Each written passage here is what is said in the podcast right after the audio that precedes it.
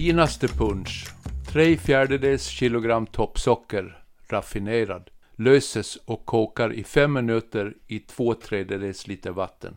Skummas och silas i en skål genom flanell.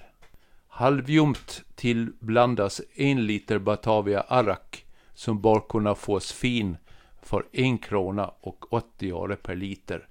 Härav två liter fin punsch.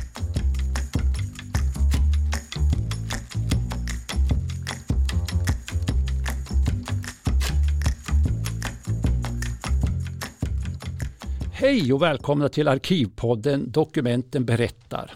Jag heter Jim Hedlund och idag gott folk kommer vi faktiskt att vara lite mentalt i kökets miljöer. För idag besöker vi Gotlands kulinariska värld. Och vad menar jag då? Jo, på länk nu så har vi nämligen Maria Larsson Östergren och Lotta Höglund från Riksarkivet i Visby. Och nu säger jag bara hej Lotta och hej Maria! Men hej! Hej Jim! Vad kul att få vara med i Arkivpodden! Ja, självklart ska ni få vara med i Arkivpodden och självklart så ska våra lyssnare få ta del av Visbys gömda skatter. För vad jag förstår nu så kommer vi att prata om mat och dryck, eller hur? Ja, idag ska vi prata mat. Vi ska berätta om gamla recept på mat, dryck och annat gott. Det är jätteroligt att få berätta om arkivens mångfald. Det finns ju så mycket att upptäcka och att arkiven kan användas på så många olika sätt. Eh, utifrån arkivmaterialet i Visby så blev det en jättefin bok som vi ska berätta om och boken den heter Beprövade recept. Beprövade recept som sagt. Vad roligt! Och, och ni hör ju självlyssnarna, arkivet till för att användas och arkiven är verkligen en resurs för faktiskt de flesta i samhället. Ja men precis, arkiven är värda att upptäckas och de kan ju inspirera till så mycket. Eh, många tänker kanske i första hand på släktforskning och arkiv. Men det är nästan bara vår fantasi tycker jag som sätter gränser för vad man kan hitta. Mm. Ja, ni hör. Eh, eh, här i Arkivpodden kommer ju detta fram gång på gång som sagt så här. Men nu måste jag fråga Lotta, vi brukar ju alltid berätta vad det är för någonting som man hör i inledningen. Så nu frågar jag, vad var det här vi hörde? Jo, men det var ett punschrecept från Rosmans släktarkiv. Det är hämtat från en handskriven kokbok och eh, upphovsmannen sägs vara Martin Lutterman. Mm -hmm, jaha, ett punschrecept som man kan testa då. Och det låter ju faktiskt ganska trevligt tycker jag. Precis, och det här är ju bara ett av många recept som vi presenterar i vår bok. Mm beprövade recept som sagt. Hur, hur, hur kom ni fram till den här idén med den här boken? Jo, vi har nog pratat mat här på arkivet under många år eftersom många av oss är matintresserade. Men sen så går det ju perioder i livet hur mycket man faktiskt lagar. Ibland nöjer man sig med att läsa och tänka mat. Mm, ja, det är ju så. Och jag är ju inte ensam om att ibland titta på något matlagningsprogram på tv. Och ibland händer det till och med att jag ser något i en tidning och, och då kan det till och med att jag klipper ut det för att använda det liksom i, ja, någon gång i framtiden. Sådär. Ja, och ni ska bara veta hur mycket det har delats recept och utbytts erfarenheter kring matlagning och bakning här under åren på Riksarkivet i Visby. Ja, och sen var det ju så att en dag så bestämde sig en kollega till oss för att faktiskt lägga arkivhandlingarna åt sidan och utbilda sig till kock istället. Jaha, det var en dramatisk omsvängning, det måste man väl ändå säga. Ja, verkligen. Vi blev nog ganska överraskade allihopa. Men så ville vi ge henne någon passande avskedspresent från oss kollegor på arkivet. Och så började vi tänka på mat och arkiv. Och så började vi leta efter recept och uppteckningar. Och så gjorde vi ganska snabbt en liten bok med recept och passande fotografier. Och det har vi också väldigt mycket av här på arkivet i Visby. För att få med den rätta känslan så ville vi ha med originalrecepten i bild också. Inte bara transkriberat i modern text. Eh, och sen är det något speciellt med att ha ett gammalt familjerecept i sin ägo. Och den känslan ville vi ta med in i boken. Ja, självklart är det ju så. Ja, och sen av den här första versionen kokbok, då upptäckte vi ju hur otroligt mycket material om mat och dryck som fanns i arkivet. Mm. Vi blev nog förvånade själv när vi började leta. Att det fanns så mycket material. Och då kände vi att ja, men det här det behöver vi göra något mer av. Så det blev starten på ett bokprojekt. Mm. Så vi har letat recept och fotografier på tema mat och så blev det en kokbok. Och den kom ut då för ungefär ett år sedan. Så sammantaget så har vi då publicerat ungefär 200 recept och 100 fotografier.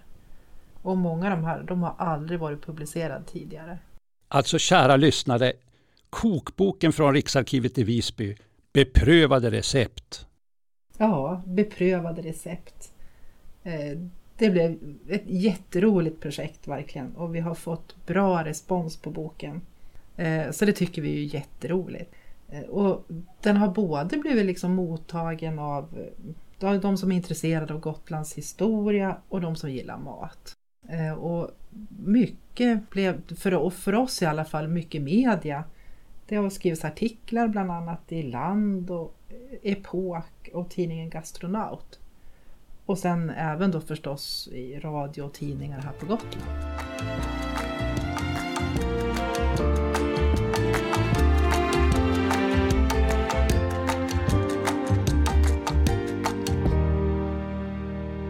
Kryddströmming. Nytagen stor strömming torkas väl med ett kläde, får ej mjölkas och ligger i utspädd ättika med ett par nävar salt uti. Får ligga däruti 24 timmar, lägges därefter ner varvtals med ryggen nedåt. Då mellan varje varv strös en blandning av 24 låd koksalt, 8 låd socker, 2 låd starkpeppar, ett halvt låd nejlikor om man så vill, 2 låd lagerbärsblad, ett halvt låd muskotblomma om man så vill och ett halvt låd spansk humla. Lägges sedan tyngd på och efter 14 dagar kan den ätas. Ja, men där kom ju kryddströmmingen, äntligen!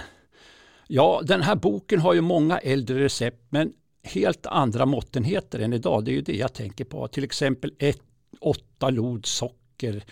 Eh, Men hur mycket är ett lod med dagens måttenhet? Ja, ett lod ska tydligen vara 13,3 gram för att vara exakt. Men vi har lagt in en översättningstabell i slutet av boken så det ska inte vara så svårt hoppas vi. Men det är bra om man har en miniräknare till hands när man översätter recepten, då, måtten. Mm. Bra, okej. Ja, och ibland så står inte mängden angiven alls. Utan man, ja, det står så här att man ska ta socker efter smak. Eller en så stor mängd mjöl så att degen får rätt konsistens. Och då får man väl jämföra med något annat liknande recept som exempelvis har lika mycket då degvätska för att orientera sig hur mycket mjöl man ska ta exempelvis. Och ibland så fick man väl helt enkelt laga lite på känn beroende på vilka råvaror man hade. Mm, mm. När är de flesta recepten ifrån? Jag, eh, hur ska jag säga? Vilken tidsperiod är de från? Ja, alltså de flesta recepten de är nog nedtecknade på 1800-talet. Men ibland så har de ju gått i arv. Så att de kan ju vara äldre än så. Men det vet vi ju inte riktigt. Eh, några recept är från ja, början på 1900-talet. Och sen har vi ett arkiv som är från senare datum. Gastronomiska klubbens arkiv. Ett typiskt sånt här 1980-tals recept finns det där då. Eh, och där har vi tagit några recept från. Men i övrigt så har vi undvikit de mer moderna recepten. Så vi satte en ungefärlig tidsgräns på ja, ungefär 1920. Mhm, Ja. Eh, har ni någon aning om vilket som är det absolut äldsta receptet då? Det är, de äldsta recepten är hämtade ur en eh, anteckningsbok från Johan Alboms arkiv. Så det ska vara hans personliga anteckningsbok och där, där har vi hittat en del recept. Den är daterad 1723 till 1759. Oj då, ja ja. Men det lär ju bli så mycket recept. Alltså av alla de här recepterna, ni har väl gjort någon slags urval? Jo, det har vi ju. Alltså vi har främst valt äldre recept och i de recepten så utgår man från råvaror som fanns tillgängliga. Så att eh, halvfabrikat och tillsatser finns inte med. Och så ville vi knyta an till den lokala matproduktionen också. Den är ju tydligare i de äldre recepten när importvaror var lyx och användes mer sparsamt. Mm.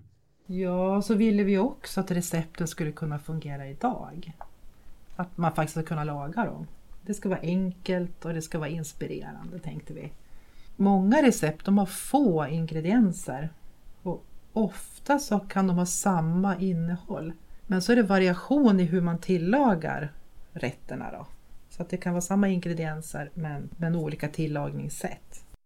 Och så hade vi det här med hållbarhet i tanken också. Att, ja, men många recept tar verkligen tillvara på allting. Kanske dum fråga, men vem har skapat recepten? Vart, var kommer de ifrån? Vem kommer de ifrån? Ja, egentligen den, den, den enda gemensamma nämnaren det är ju att de är inlämnade hit till arkivet Mm. tillsammans med ja, annat som någon då har tyckt har varit värt att spara för eftervärlden. Mm.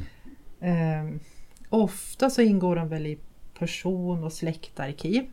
Och då in, liksom ligger de där recepten tillsammans med allt möjligt annat som kan finnas i ett släkt eller familjearkiv då, som brev eller dagböcker. Men det kan också finnas recept i föreningsarkiv. Som den där gastronomiska klubben som jag nämnde tidigare. Då. Mm. De här recepten i sig de är ju skrivna av en massa olika människor. Oftast och till övervägande del så är det ju kvinnor. Men, men det finns en del män också som har skrivit recept. Då. Ehm, och så finns det en del som är insamlad av, ja, liksom upptecknar att de har åkt runt och samlat in recept. Och det är ungefär för ja, 100 år sedan ungefär de gjorde de här uppteckningarna. Då. Och sen är det annat som kan vara från studiecirklar, några recept. Så, så här i modern tid där de har ja, kartlagt äldre tiders mat. Mm. Men det absolut vanligaste det är ju de här person och släktarkiven. Då. Och sen det enda förutom det gemensamma att de finns här på arkivet det är också att vi vet att de här recepten har använts på Gotland. Ja, min erfarenhet är ju att person och släktarkiv och, och gårdsarkiv då, det kan ju innehålla riktigt häftiga skatter alltså. Ja, det, så är det ju. Härifrån Visby finns eh, Rosmans och eh, Starbäck Steffens släktarkiv. Och där har flera generationer kvinnor i släkten lämnat avtryck i de här arkiven. Så här finns många handskrivna recept, både nedskrivna i häften eller i form av lösa lappar. Eh, nedskrivna då av eh, kvinnor i, i olika generationer i samma släkt. Så det är lite roligt. I Susse Fjällbäcks personarkiv finns ett antal recept som lagades i hennes barndomshem, Burmeisterska huset i Visby. Och Susie Fjällbäck föddes år eh, 1889 och hennes recept är mestadels arvegods från 1800-talet. Och välanvända och fläckiga. Och andra är till synes nedtecknade under tidigt 1900-tal, fram till 50 kanske. De här recepten känns väldigt utvalda och viktiga. Det är liksom få men väl utvalda i hennes arkiv. Jajamän. Kan man säga att det här är ett gastronomiskt kulturarv? Ja, det måste man väl ändå säga. Vi har en annan flitig eh, receptskrivare och det är Rickard Magne. Och han intresserar sig för allt möjligt som rörde hembygden och folkliga traditioner på Gotland. Då. Han har bland annat dokumenterat ett gotländskt brygghus, både i form av eh, text, då, beskrivning, och eh, enklare ritningar. Och ingående beskrivit hur det går till att brygga Gotlandsdricka med smak av ene och rök. Han har också dokumenterat sin mormors handskrivna kokbok, till och med angett måtten på boken och intervjuat äldre personer om bland annat seder och bruk. En annan receptskrivare är Sigfrid Larsson. Han föddes år 1897 och var stationskar vid Gotlands järnvägar. I hans personarkiv hittar vi maskinskrivna recept på små kort av den sorten man sorterade in i eh, lådor. Härifrån har vi hämtat en daddelkaka och ett recept på kåldolmar. Kolmar. Ett medelstort kålhuvud. Till förvällning två teskedar salt till varje liter vatten. Fyllning 50 gram risgryn, 2 deciliter vatten, 2 deciliter mjölk, 150 gram oxfärs, 75 gram kallfärs, ett ägg eller äggula, 2 fjärdedels deciliter grädde eller mjölk, salt, vitpeppar och strösocker. Tvätta grynen med hett vatten. Koka upp grynen med vattnet. Koka sakta tills vattnet kokat in. Späd på med mjölken. Koka omkring 45 minuter. Låt riset bli kallt. Blanda kött, ägg, grädde och ris. Stekning, två matskedar smör, salt, vitpeppar, strösocker, en matsked farin eller sirap. Under stekningen späd med 4-5 deciliter buljong. Stektid 2,5 timme. Pensla bladens kanter med uppvispad äggvita så håller de ihop.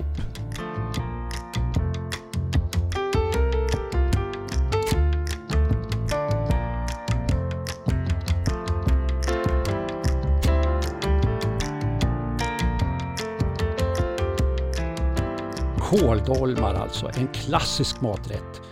Faktiskt inte min favorit direkt, men, men mångas favorit. Har ni något som sticker ut då, alltså med något udda recept? Finns det liksom maträtter som man kanske inte skulle rekommendera idag? Jo då, men, men vi har försökt att framförallt välja recept som man vill laga.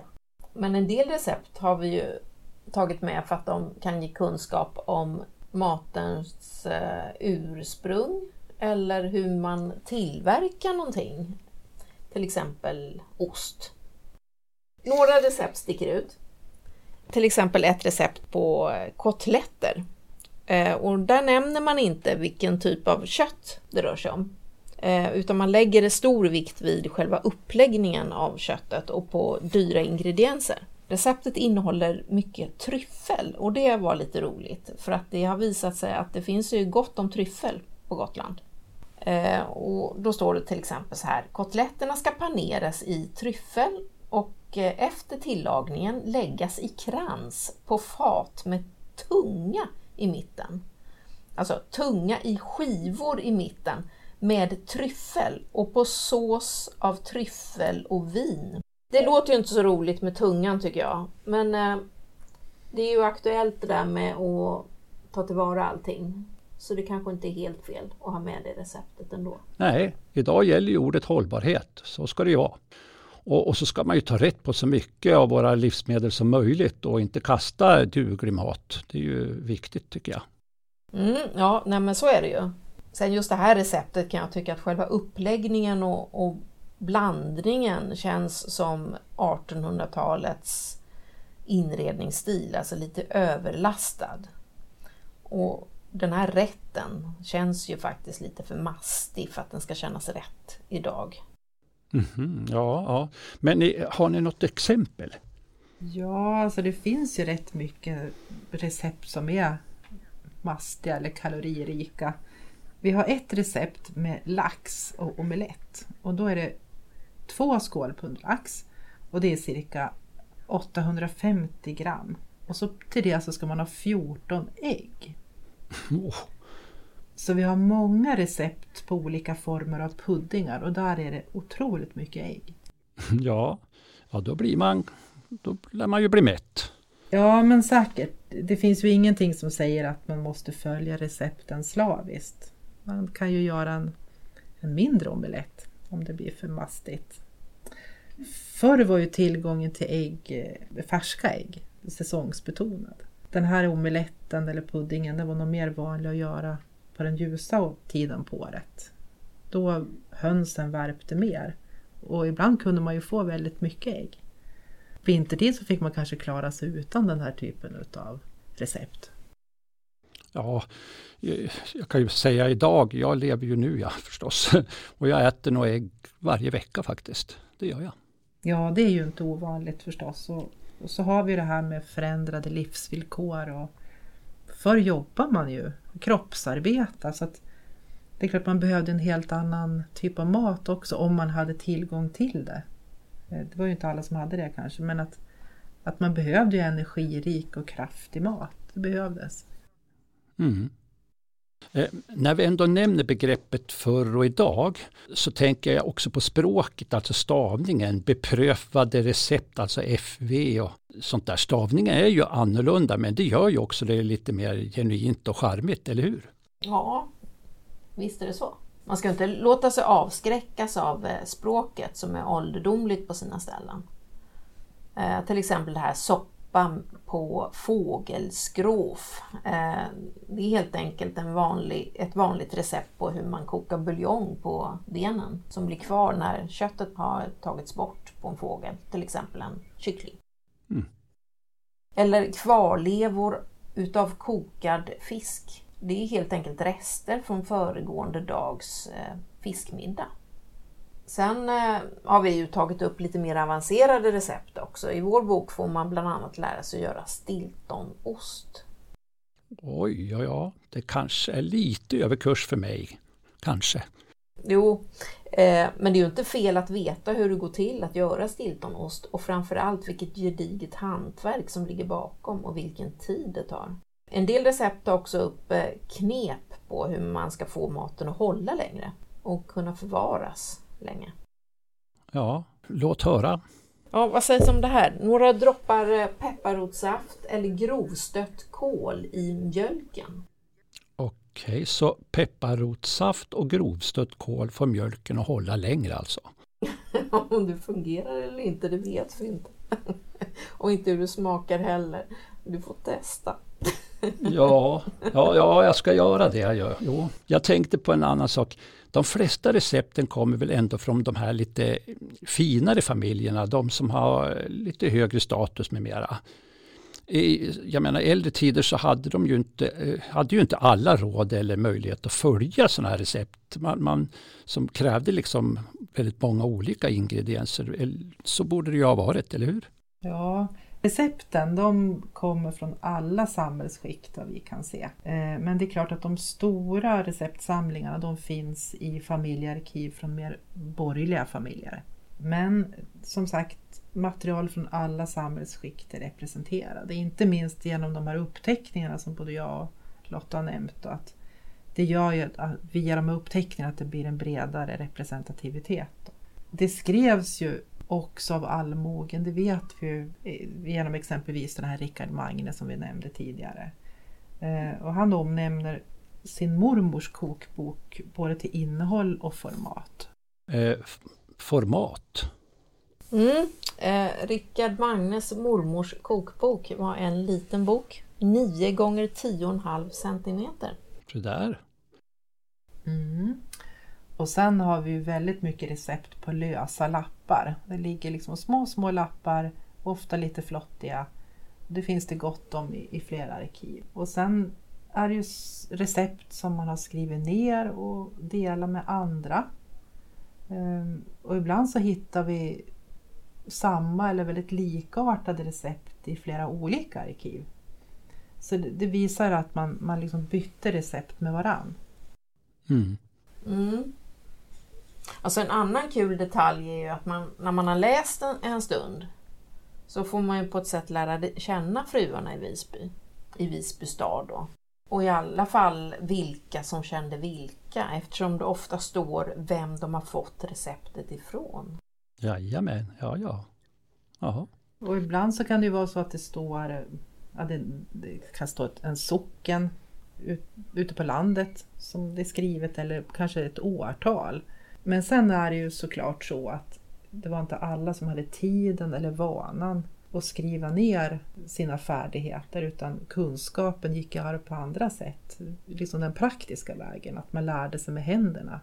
Genom övning och att man tittar på hur andra gjorde. Det är väl det vanligaste sättet att liksom föra kunskap vidare. Och bara det här att man, som jag själv är så fascinerad över, att man bara liksom med handen kunde känna hur varm spisen var, eller ugnen. Så att man liksom kunde känna nu är temperaturen lagom. Eller det här med att man höftar alla ingredienserna och får till det man ska tillaga. Mm. Ja, jag förstår. Ja. Ja, tänk egentligen hur mycket av vårt kulturarv som endast har förts vidare den muntliga vägen. Det är ju, det är ju massor. Det är ju mycket kunskap också som har gått förlorad på grund av att det kanske aldrig har blivit dokumenterat. Ja, för, för det kan vi ju konstatera att mycket av den här, vad vi då skulle kunna kalla vardagsmaten, den typiska vardagsmaten, av, av det som var lite enklare, att den skrev man ju inte ner. Eh, Medan med de här finare recepten på, det kan vara kakor eller recept med dyra ingredienser som man skulle ha till något speciellt tillfälle. Det har man liksom tecknat ner. Men hur man kokar en gröt eller kokar välling, det visste man ju hur man skulle göra så det behöver man ju inte skriva ner.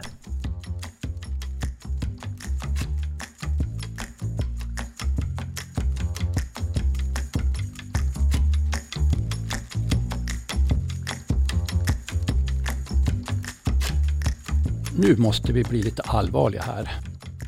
Vilka recept har ni själva testat? Har ni, det vore ju kul att höra om ja, både lyckade och eventuella katastrofala exempel.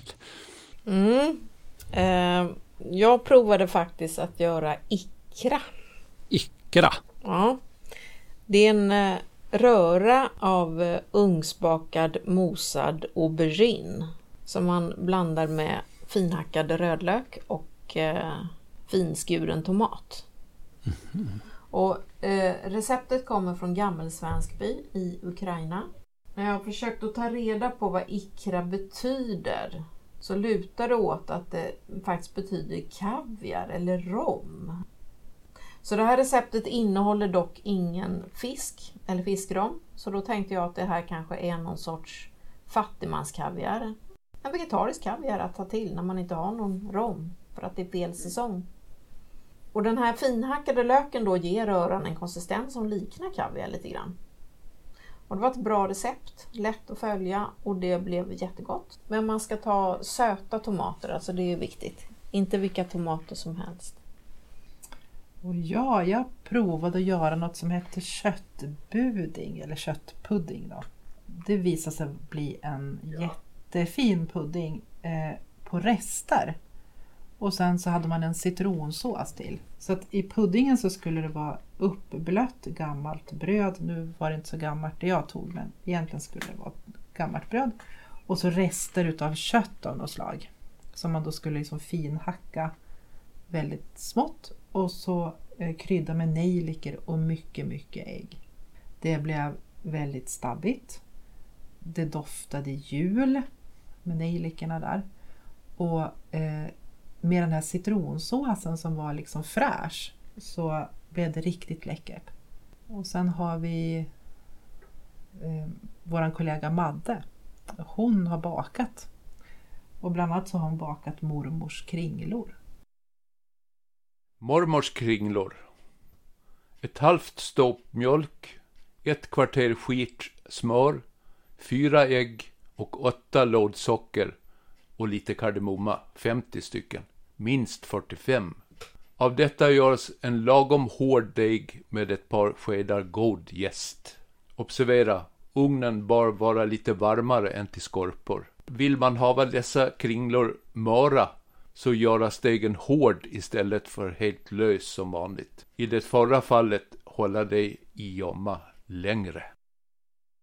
Mm, god fika brukar jag säga om det här. Har ni något riktigt som är typiskt för Gotland, alltså någon gutemat eller hur ni säger gutemat? Ja, den frågan har vi ju ställt oss. Alltså, vad, vad är den typiska Gotlandsmaten? Och då tänkte vi att vi kan konstatera att många av de här recepten de är på råvaror som finns här och att de är lagade här på ön. Så på så sätt blir det ju gotländskt. Men annat som jag då, eller vi andra kanske tänkt att skulle finnas i arkiven, det fanns ibland inte alls. Eller bara med några enstaka recept. Vi är ju liksom på en ö, det är Östersjön. Och då tänker man fisk och vi tänkte exempelvis på flundra och torsk. Eh, och det fanns det ju rikligt av förr, och som strömming. Men det fanns nästan inga recept alls. Salmbärssylt eh, fanns det i och för sig ett recept på. Men den här saffranspannkakan, den hittar vi bara på fotografier som skulle bli till ett vykort. Så att några gamla recept på någon saffranspannkaka, det finns inte i vårat arkiv i alla fall. Utan vi hittar till slut eh, en historia kring saffranspannkakan i ett arkiv och det är den här Sigfrid Larsson som Lotta nämnde förut. Och han beskriver det mer som ett skådebröd. Alltså någonting som de riktigt rika och välbeställda kunde ställa fram för att visa att man hade råd med det här, med det här dyra saffranet. Det var liksom verkligen inte eh, varken vardag eller kanske knappt fest utan användes vid ja, spe väldigt speciella tillfällen. Lite skryt. Ja, precis, verkligen. Mm. Och sen det typiskt gotländska finns med bara namnen är ju spännande. Lammsmäcka och ugnstrull. Ugnstrull. Det bakas ett något större bröd än vanliga grovbröd, men av samma slags deg. Brödet urholkas och i denna urholkning lägges ett lag strömming samt ett lag fläsk i skivor och lök. Sedan görs ett lock av urkarvad deg och lägges på. Dessa bröd bakas och görs i ordning samtidigt som de andra. Bakas lika länge eller i två timmar.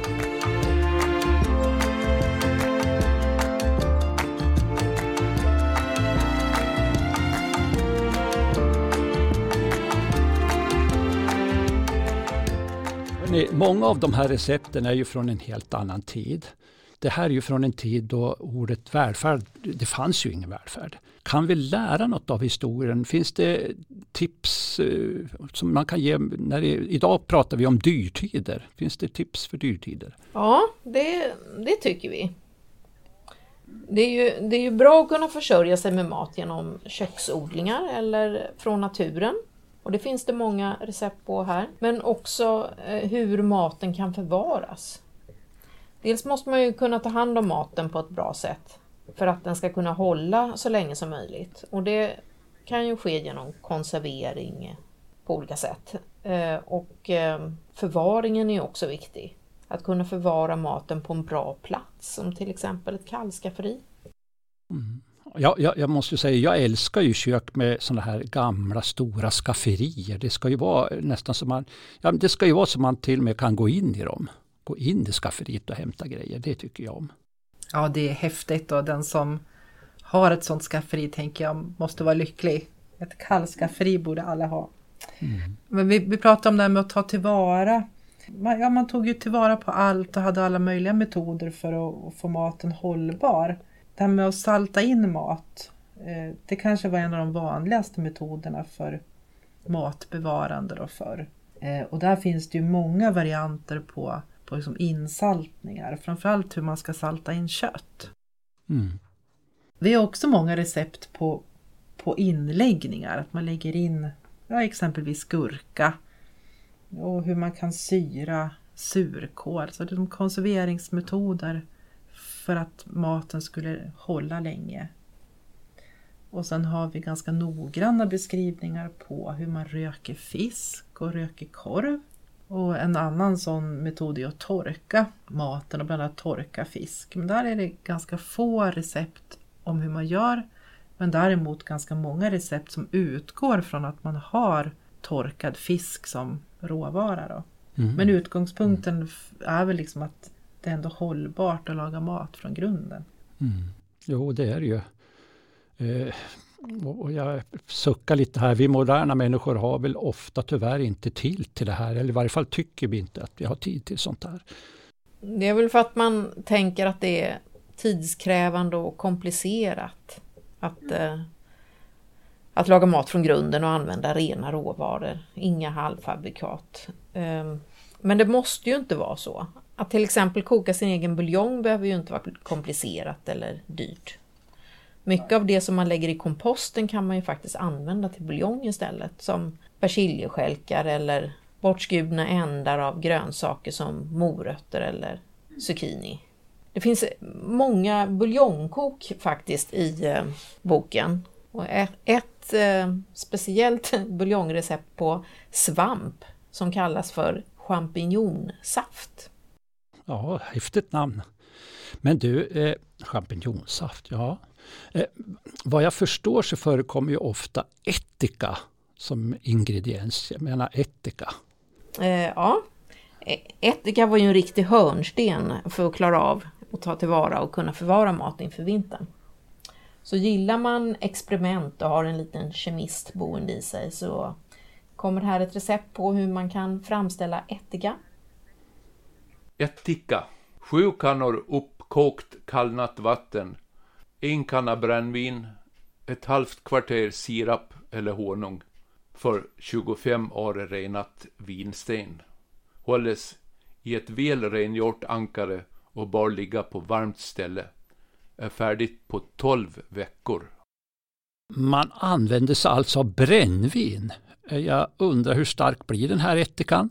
Ja, det är nog det är osäkert faktiskt hur stark ättikan blir. Eh, men alkoholen oxiderar ju under processens gång och övergår i ättiksyra. Men eh, här vill man ju ändå sätta upp ett varningens finger. Vi vill uppmana till försiktighet, för stark ättika är frätande och vi vet ju inte hur stark den här blir. Eh, ett annat recept är fruktättikan som är gjord på all slags frukt, vatten och öl och ett stycke rågbröd. Det är någonting som liknar vinäger. Mm, fantastiskt, fantastiskt.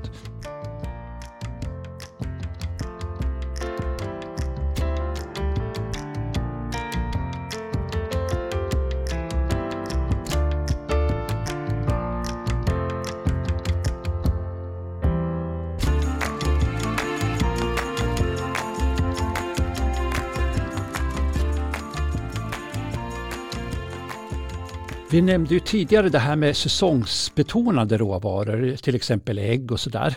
Har ni några fler exempel? Det är ju, det är ju, ja, som jag sa, det är ju högaktuellt. Det finns en hel del innovativa recept som bygger liksom på ett överflöd av en speciell vara. Som, vi kan till exempel ta palsternacka som exempel. Eh, vi har hittat recept med palsternacka, alla möjliga recept, från matiga middagsrätter till efterrätter. Så här har vi lagt in ett recept på syltade palsternackor som ska avnjutas som delikat efterrätt enligt receptskrivaren. Okej.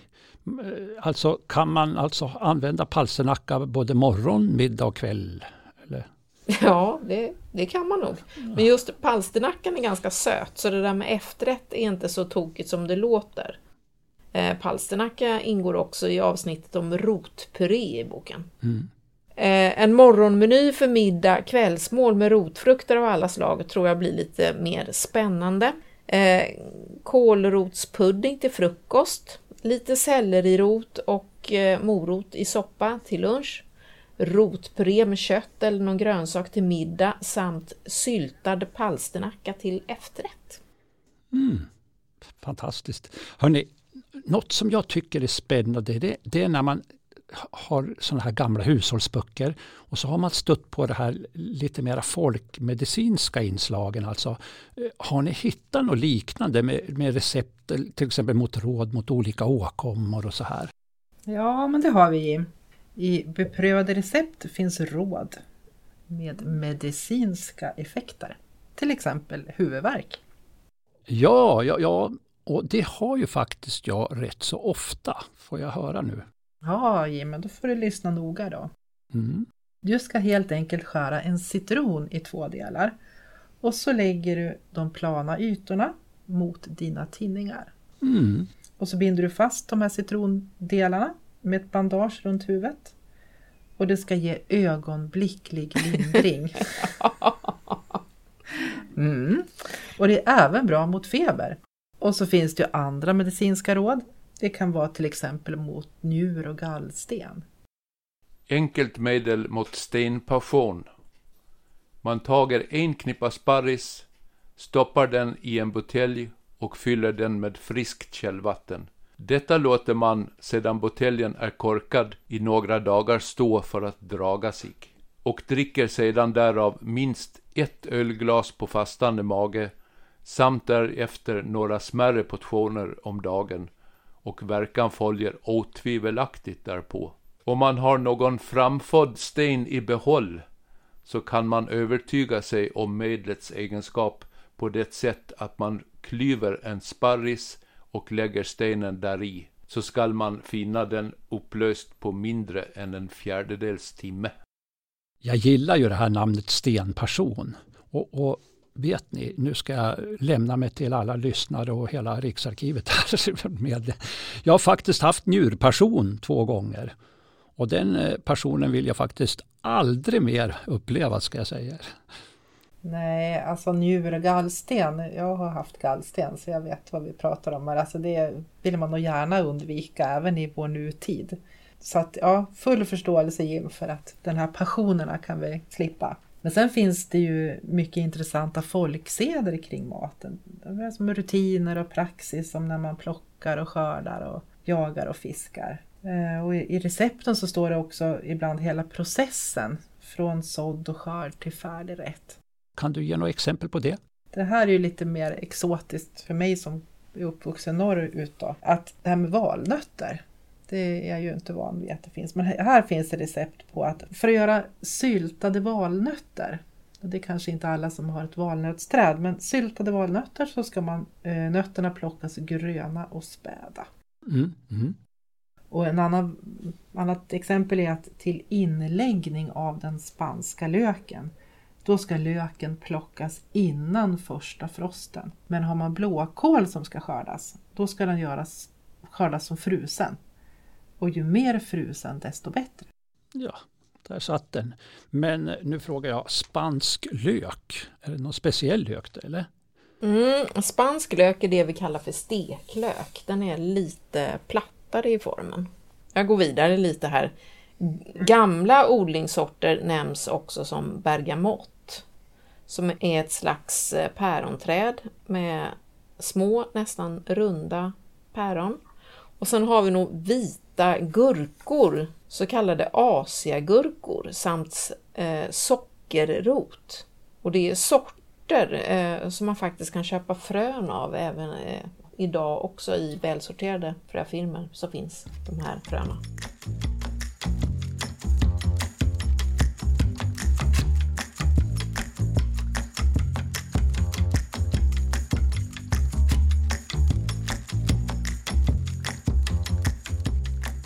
När det gäller fisk så har vi krakströmmingen som är mera grön och är bättre och tjockare än annan fisk.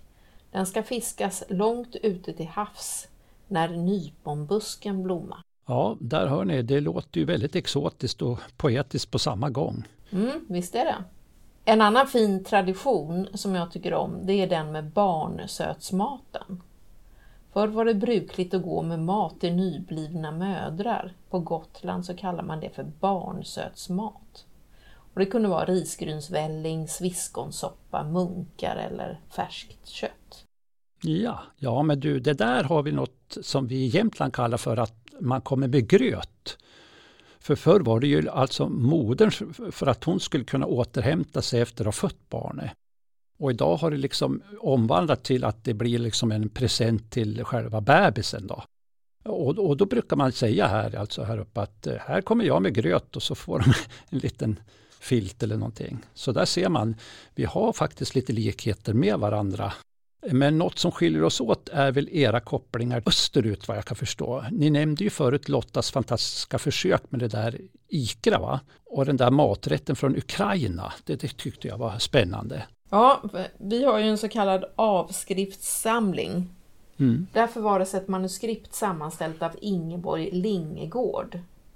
Och själva manuskriptet kom till i samband med en studiecirkel kring livet i Gammelsvenskby i Ukraina. Och recepten härifrån är sammanställda av ättlingarna till de svenskbybor som kom hit till Gotland och stannade här.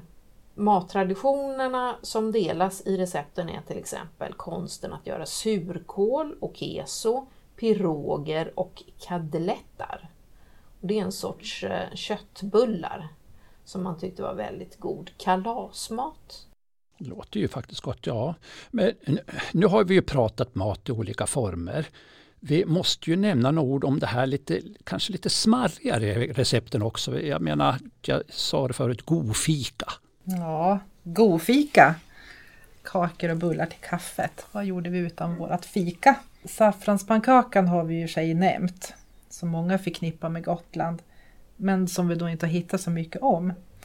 Men däremot har vi mycket kak och bakrecept. Och något vi har särskilt lagt märke till att det är mycket bakrecept som innehåller mandel och även då bittermandel. Men det finns recept på mjuka kakor, småkakor, kringlor, struvor och massor med recept på pepparkakor. Jag vet inte om vi överdriver lite men jag tror vi har hittat ja, kanske 30 olika pepparkaksrecept. Så att jag säger, här finns chansen för alla att hitta sitt godfika. Mycket god tårta. Fyra ägg, socker lika mycket, 12 låd mjöl. Denna smet kan man breda ut på papper eller också i en panna om den smörjes med smör. Äggen vispas väl, därefter läggs sockret ut i mjölet strax förrän man slår det i pannan. Man kan klyva den i en eller flera bitar. Sylt läggs emellan. Man garnerar den med glasyr, en äggvita, fyra teskedar socker som röres åt ett håll mycket väl. Vi började ju den här podden med ett punschrecept. Eh, ska vi inte avsluta den med lite andra drycker då? då? Mm, absolut. Det finns eh, flera drycker av allehanda slag i den här boken. Vi har till exempel Gotlandsdricka, mjöd, kaffe, te, lemonad, saft och eh, drycker med brännvin med mera. När det gäller kaffe så kan man också läsa om olika kaffesurrogat gjorda på maskrosrötter, lupinfrö eller rostade bondbönor. Här finns likör av svarta vinbär och krusbärsvin. Gotlandsdrickan och mjöd nämnde jag ju nyss, men det finns också en sorts glögg gjord på brännvin som är kryddad med nejlikor, kardemumma och malörtsblomknopp. Eller vad sägs om hallonsaft och mandelmjölk? Mandelmjölk. Ett halvt skålpund sötmandel och fyra lod bittermandel skållas och stötas mycket fint tillsammans med ett halvt skålpund socker. På denna massa slås en kanna gott brunnsvatten och omröres. När det stått några timmar silas det genom hålsikt och är då färdigt till servering. Eh, mandelmjölken känns ju som det verkligen aktuellt idag och det här är väl inget som är så avancerat att göra själv, eller? Eh, nej, precis, men till det här behövs ju friskt kallt vatten. Och då har vi också råd på hur man ordnar med ett vattenfilter så man har tillgång till rent, friskt, kristallklart vatten. Ja, men det här var ju helt finemang. Helt, som jag brukar säga, alladopt. Det är riktigt bra. Kära lyssnare, den här boken Beprövade recept, den kommer ju att hjälpa er framåt i kökets underbara värld. Jag vet att jag gör reklam nu, men nu måste det få vara så. Är det för en bra produkt så är det ju så.